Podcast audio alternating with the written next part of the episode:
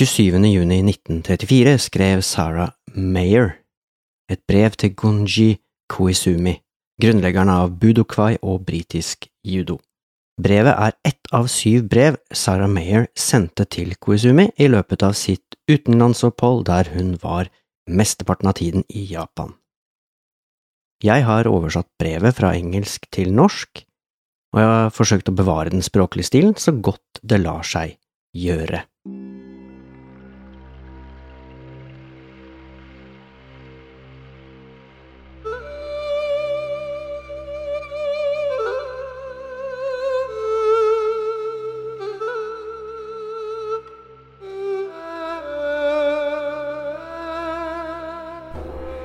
Kjære herr Koizumi. Unnskyld at jeg skriver dette med skrivemaskin, men for det første så er det så varmt og fuktig at hvis jeg legger armen min på bordet, så fester den seg til det. Og for det andre brant jeg hånden min for et par dager siden på en fyrstikkeske som tok fyr. Jeg har alltid hørt at dette er et trygt land, men de japanske fyrstikkene og bilene er en fare for både liv og lemmer. Jeg har blitt så nervøs for fyrstikkene som setter fyr på hele boksen hver gang jeg forsøker å tenne en av dem. Det, i tillegg til formaningene fra judoinstruktøren min, har gjort at jeg ikke blir overrasket om jeg slutter å røyke helt.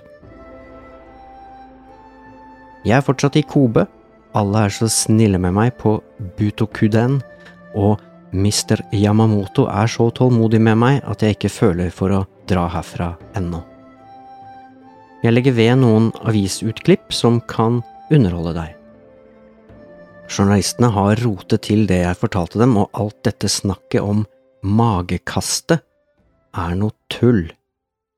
Det er den siste teknikken jeg ville brukt under slike omstendigheter, og du husker kanskje at når jeg ser det, altså kastet, komme, skriker jeg vanligvis av redsel og gir meg.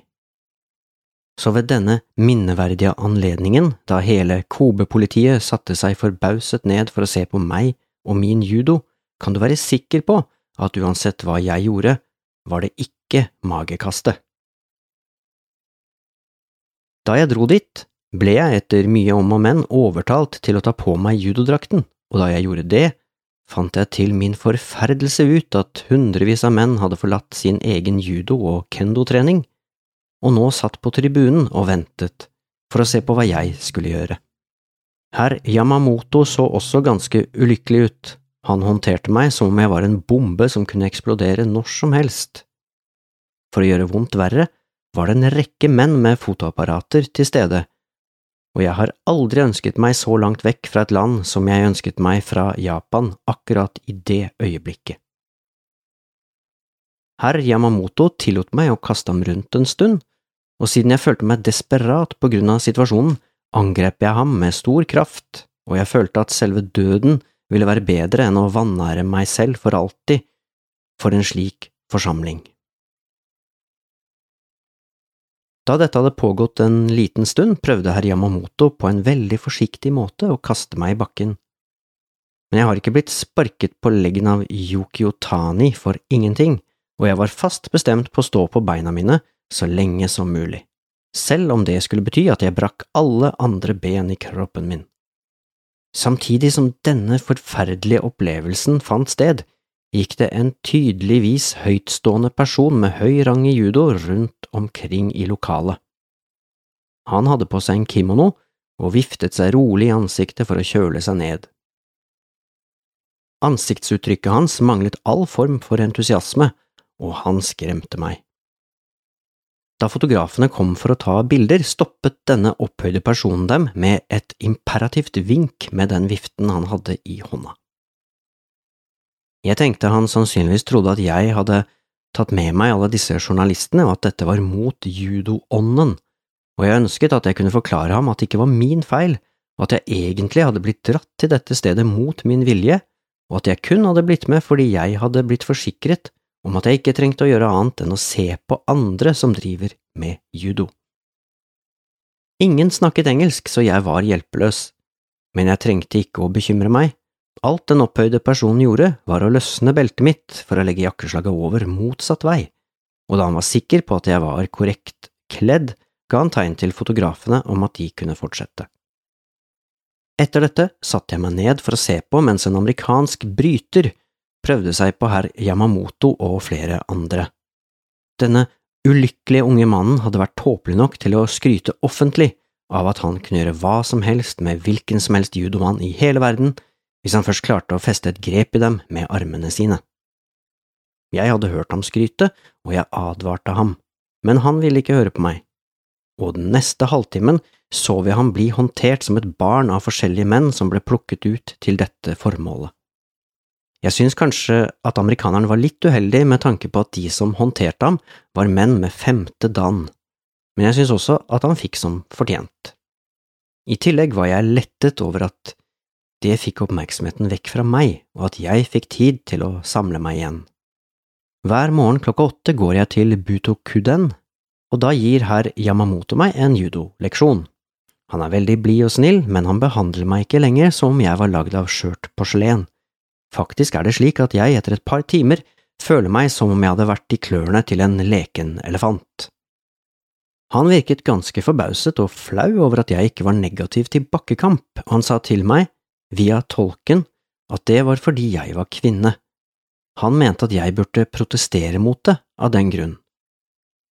Jeg fortalte ham at jeg ikke så på det å trene judo som å ha sex, så han tok mot til seg og holdt meg fast en stund til jeg begynte å venne meg til den røffe behandlingen. Og nå viser han meg ingen nåde. Han veier over 100 kilo, og hvis han lener seg over meg, så er det som å prøve å fjerne et fjell. Her om dagen ble det arrangert konkurranser, og jeg ble invitert til å delta. Jeg satt fra klokken 07.00 til klokken 17.00 ved et bord sammen med dommerne, og takk og lov for at vi slapp å sitte på gulvet. Jeg spiste dessuten lunsj med dem i pausen. Mange viktige judoutøvere hadde kommet for å se på, og de var veldig hyggelige mot meg og ga meg kort som de skrev sin rangering på, femte, sjette, sjuende og åttende dan. Jeg ga dem kortene mine og lurte på om jeg burde skrive hvitt belte på det med store bokstaver, men jeg bestemte meg for at jo mindre som ble sagt, desto mindre misforståelser kunne jeg forårsake. Uansett, jeg har blitt vant til dem nå, og de begynner å bli vant til meg, jeg har til og med kommet meg etter sjokket over å finne ut at det var forventet at jeg skulle dele badet, for ikke snakke om badekaret, med hele politistyrken i Kobe. Og hvor deilig det japanske badet er etter en hard trening, spesielt bøttene med kaldt vann som jeg heller over meg selv etter trening. Og alle er så snille med meg, de sender meg blomster og gaver og tar meg med overalt. Heldigvis er det en japansk journalist her som snakker perfekt engelsk, og som jeg kan konsultere når det gjelder vanskelige spørsmål om korrekt oppførsel, slik at jeg ikke gjør feil for ofte. Herr Yamabe har skrevet til meg, og han sier at han vil ordne alt for meg i Kyoto når jeg drar dit. Og Ishiro Hatta har skrevet og oppfordret meg til å dra rett til Tokyo, han sier også at han skal passe på meg, og han har sendt meg en introduksjon til lederen for judosenteret i Kyoto men herr Yamamoto sier også at han vil skrive til dem der når jeg er klar til å dra. Jeg må til Kyoto og se andre steder også, men hvis jeg finner ut at jeg ikke får så god judotrening der, tror jeg at jeg kommer tilbake hit.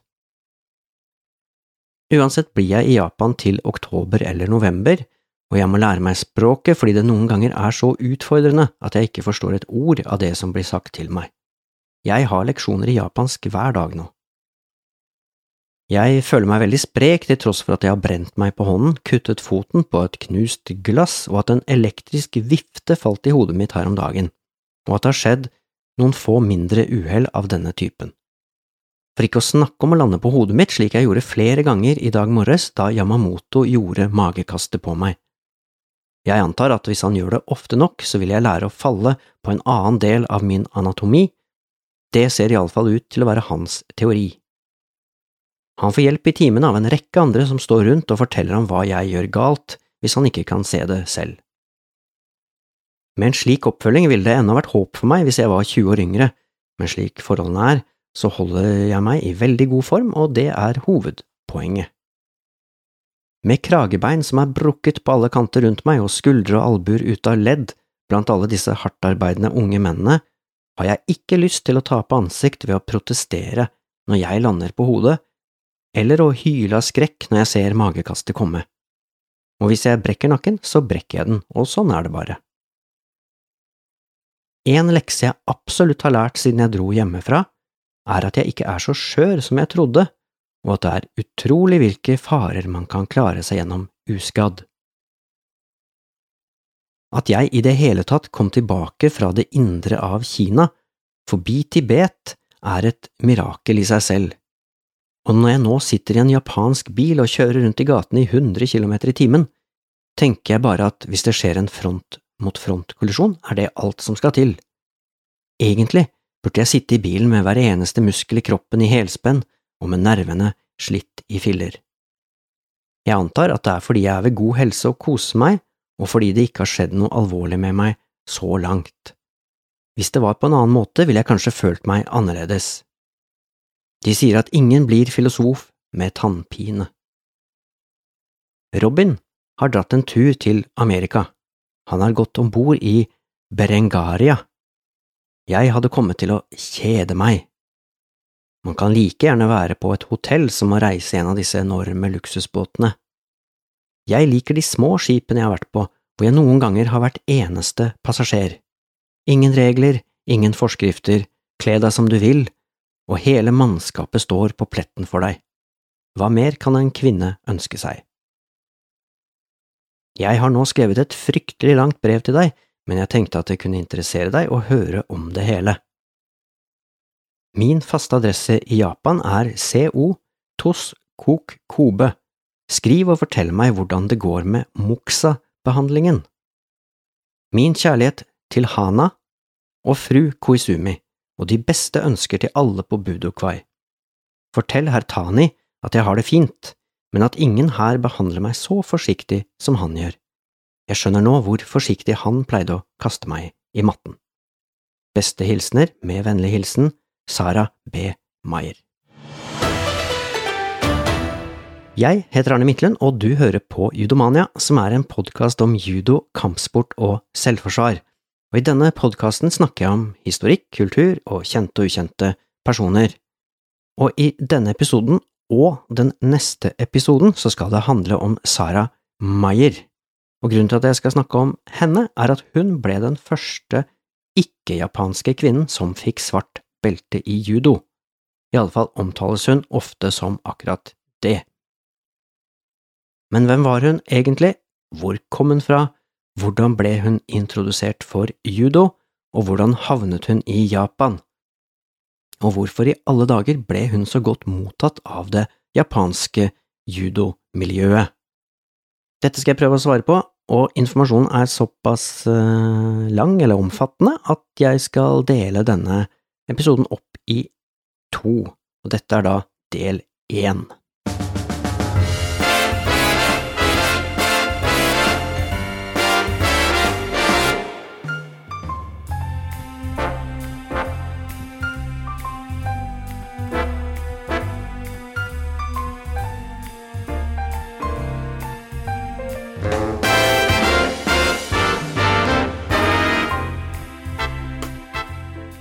Sarah Mayer ble altså født i oktober 1896, og hun vokste opp i London i det som var ganske nye og moderne leiligheter. De ble kalt for Albany Mansions, og de ligger ved Albert Bridge Road ved Battersea Park på sørsiden av Themsen. Dette var et fint område å vokse opp i, det var parker her og hus og hager, ganske brede veier med god plass til både hestevogner og sykler og frigjorte kvinner. Og I nabolaget så bodde det lærere og bankansatte og musikere. Og mange av leilighetene står også oppført med én husholderske eller én tjenestepike. Så dette var på en måte middelklassen som bodde her, og det var ikke uvanlig at middelklassen hadde en tjener eller en husholderske. Faren til Sarah het Alfred Benedict Tapping, og han var skuespiller og han var med i ledelsen av Pioneer Players og New Players, og de satte opp forbudte teaterstykker der kvinners rettigheter sto i fokus. Og moren til Sarah het Alice Amelia Fishwick, og hun var skuespiller og var kjent som Alice Feli. Også besteforeldrene til Sarah May var skuespillere, så dette var sannsynligvis et veldig moderne og progressivt hjem. Noe annet som kan tyde på at dette var et moderne hjem, var at foreldrene hennes påsto at de hadde vært gift hele tiden, siden en liten stund før Sarah Mayer ble født. Men ved nærmere undersøkelser så viser det seg at det ikke var helt tilfellet. Alfred hadde vært gift tidligere, og det hadde aldri blitt tatt ut en formell skilsmisse. Slik sett så var Sarah Mayer født utenfor ekteskap, uten at det ser ut til å ha påvirket livet hennes i særlig grad. Det miljøet Sarah Mayer ble født inn i, var som sagt ganske moderne, og det var ikke minst på grunn av kontakten og miljøet foreldrene hennes vanket i, at Sarah Mayer ble introdusert for personer som Edith Garud og andre kjente suffragetter som trente jiu-jitsu eller judo på denne tiden. Mayer ble altså født inn i en teater- og skuespillerfamilie, og allerede tidlig i livet så ble han vant til at reiser var en viktig del av livet, og bare fem måneder gammel så opplevde hun at foreldrene hennes reiste ut på en liten uh, turné. Her er det faktisk litt usikkert om hun var med, eller om hun ble igjen sammen med husholdersken hjemme i leiligheten. Og reisingen til foreldrene fortsatte. De reiste to år, fra Sarah Mayer var fem år til hun var syv år, til utlandet, og da var det slektninger som passet på henne og søskenflokken. Og etter hvert som hun ble tenåring, så var det hun som passet på sine to søsken, mens foreldrene reiste rundt på oppdrag i store deler av Storbritannia. Det er i løpet av disse ungdomsårene at Sarah Mayer eh, blir eksponert for og fascinert av Asia og den såkalt orientalske kulturen og det skjer rett og slett via teatret og ulike skuespill som hun enten ser på eller er med på selv. Da Sarah Mayer var omtrent 15 år, flyttet eh, familien fra leiligheten ved Battersea til et større hus med mer enn 13 rom, så nå må det ha gått i ganske godt økonomisk. Huset lå litt mer landlig til, men i våre dager, hvis man sjekker på kartet, så ligger dette fortsatt sentralt i London og i dette nye huset så hadde de to tjenere, så her hadde de gjort et lite sosialt opprykk, kan man godt si. Fortsatt så består det sosiale miljøet hennes av mange progressive og moderne kvinner, og hun blir introdusert for mange av de kjente forkjemperne for kvinners stemmerett, som er kjent som suffragettene. Her anbefaler jeg at du hører på denne episoden om Edith Garud og suffrajutsu, den er ganske oppsiktsvekkende, både når det gjelder opplysninger om hva kvinner måtte tåle, og hva de måtte kjempe for. Sarah Mayer eh, giftet seg eh, da hun var rundt eh, 24 år.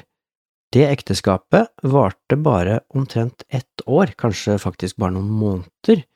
Hun giftet seg da med Sills Keith Gibbons. Han hadde gått på Harrow, som var en eksklusiv skole, Eh, samtidig med den ikke ukjente Nehru, som ble Indias første statsminister.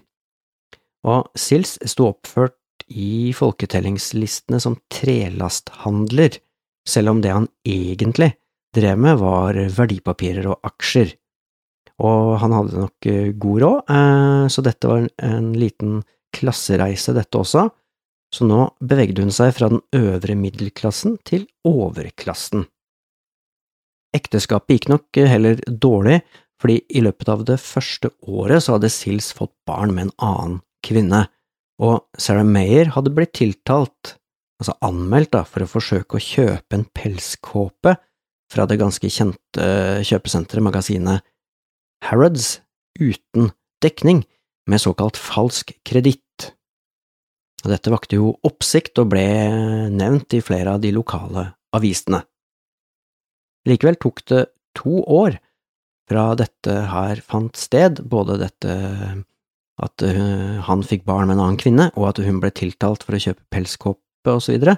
Det tok to år fra alt det her til Sills krevde skilsmisse fra Sarah Mayer, og 3. oktober 1923 så ble denne skilsmissen innvilget.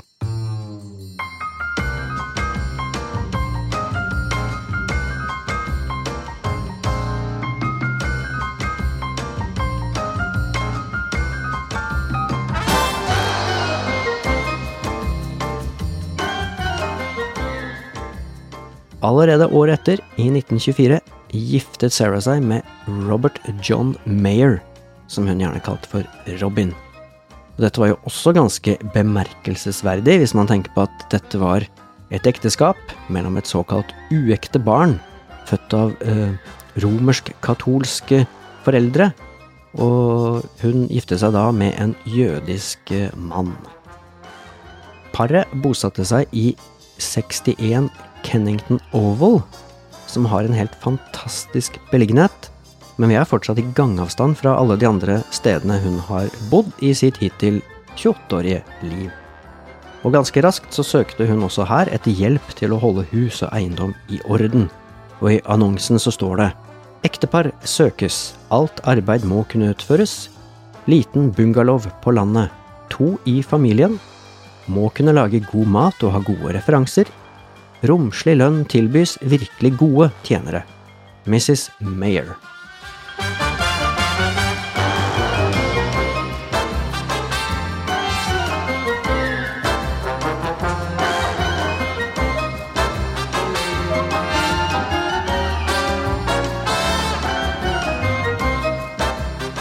I 1926 begynner Sarah Mayer å trene judo på Budokwai, og hun blir da listet opp som medlem nummer 216.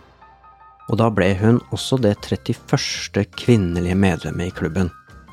I et senere intervju så sier hun at hun og mannen hennes startet sammen, men at han ikke syntes noe særlig om denne kampformen, og at han derfor sluttet ganske raskt.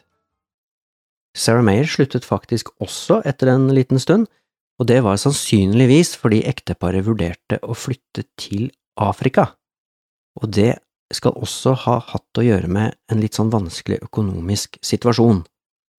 Dette ble det ikke noe av, og i november 1927 begynte hun nok en gang på Budokvai, og nå som medlem nummer 267.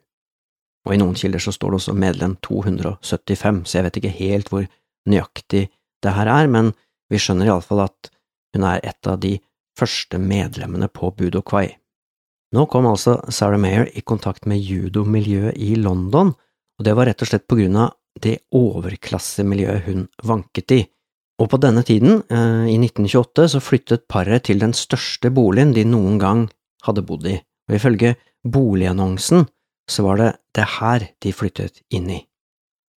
En meget attraktiv og kompakt frittstående eiendom, høyt beliggende, bestående av et imponerende hus, adkomst med hest og vogn, inneholder ti sove- og omkledningsrom, biljardrom, tjeneboliger, tre bad, to trapper, romslig hall, fem vakre stuer og kontorer.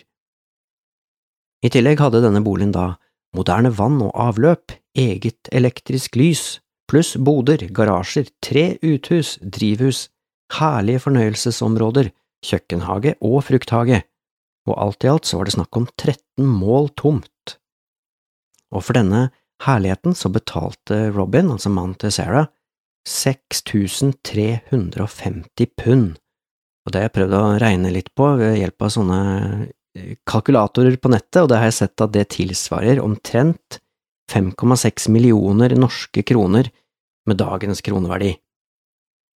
Og så brukte de nesten like mye penger på å pusse opp huset, omtrent 4650 pund, eller 4,1 millioner norske kroner.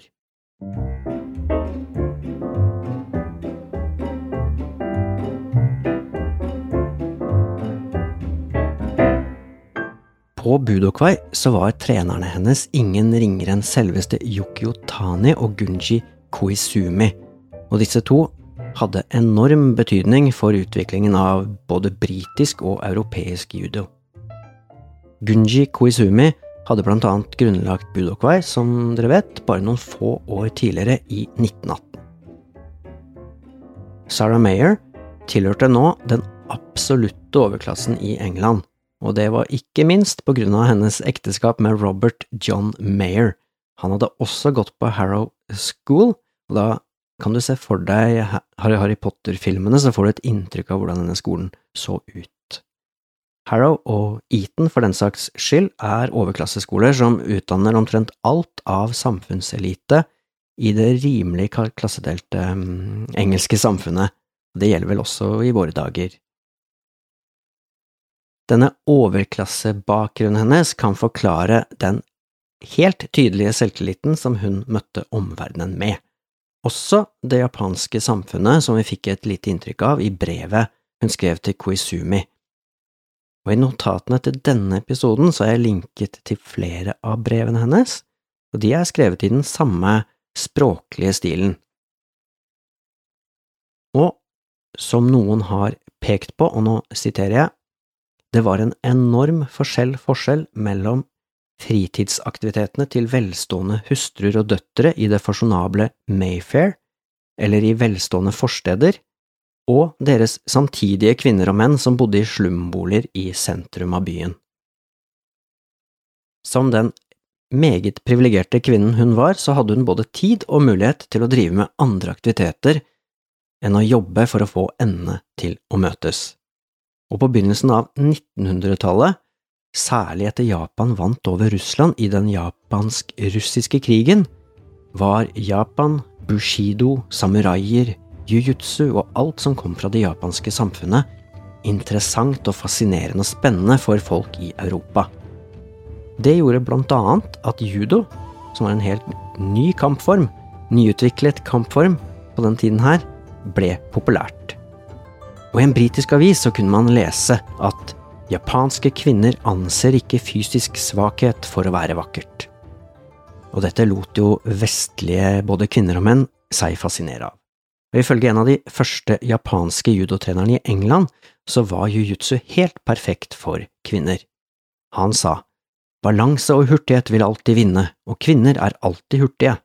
Når en storm feier gjennom skogen, er det verst for de tunge og solide trærne. De mindre og elastiske plantene tåler stormen, fordi de gir minst motstand mot den motsatte kraften. Slik er det med jiu-jitsu. Det er det eneste systemet i verden som kan gjøre det mulig for en vanlig kvinne å beseire en sterk mann. Den judoen kvinnene lærte på Budokwai, hadde et sterkt selvforsvarsfokus, og mange av de som trente der, ønsket å lære teknikker som kunne beskytte dem mot bøller på gata, politivold eller voldelige ektemenn. Det var faktisk flere aviser i England som ga uttrykk for at judo og jiu-jitsu kom til å bli mer populært for kvinner enn for menn. I denne første tiden så var Sarah Mayer på ingen måte en ledende eller lovende judoutøver, blant alle de andre kvinnene som trente på Budokwai, og etter å ha trent judo i seks år, i 1932, graderte hun seg for første gang til fjerde kyo, altså den andre beltegraden i det systemet som var på Budokvai på denne tiden. På denne tiden her så hadde flere av hennes kvinnelige treningspartnere gradert seg langt forbi henne. Og det var heller ikke sånn at Sarah Mayer hadde noen framtredende eller framskutt rolle på Budokvei, de brukte for eksempel ikke hennes teaterbakgrunn i reklamesammenheng, og hun forble et ganske anonymt medlem av Budokvei, men det skulle snart forandre seg, for nå skulle hun til Asia.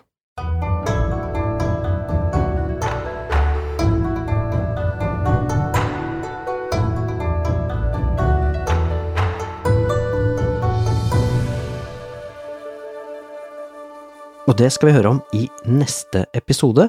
Da skal vi ta for oss reisen hennes til eh, Asia, og vi får både høre litt om eh, båtturen, hennes opplevelse med japansk bad, hun dro på sommerferie i Kyoto, hun møtte en viss herr Hatta i Tokyo, hun skal også ha møtt selveste Jigoro Kano før hun reiste hjem igjen og så skal vi også høre om den litt uh, sørgelige slutten på livet hennes.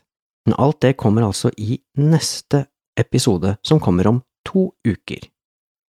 Det var alt for denne gangen. Tusen takk for at du hørte på. Ha det bra.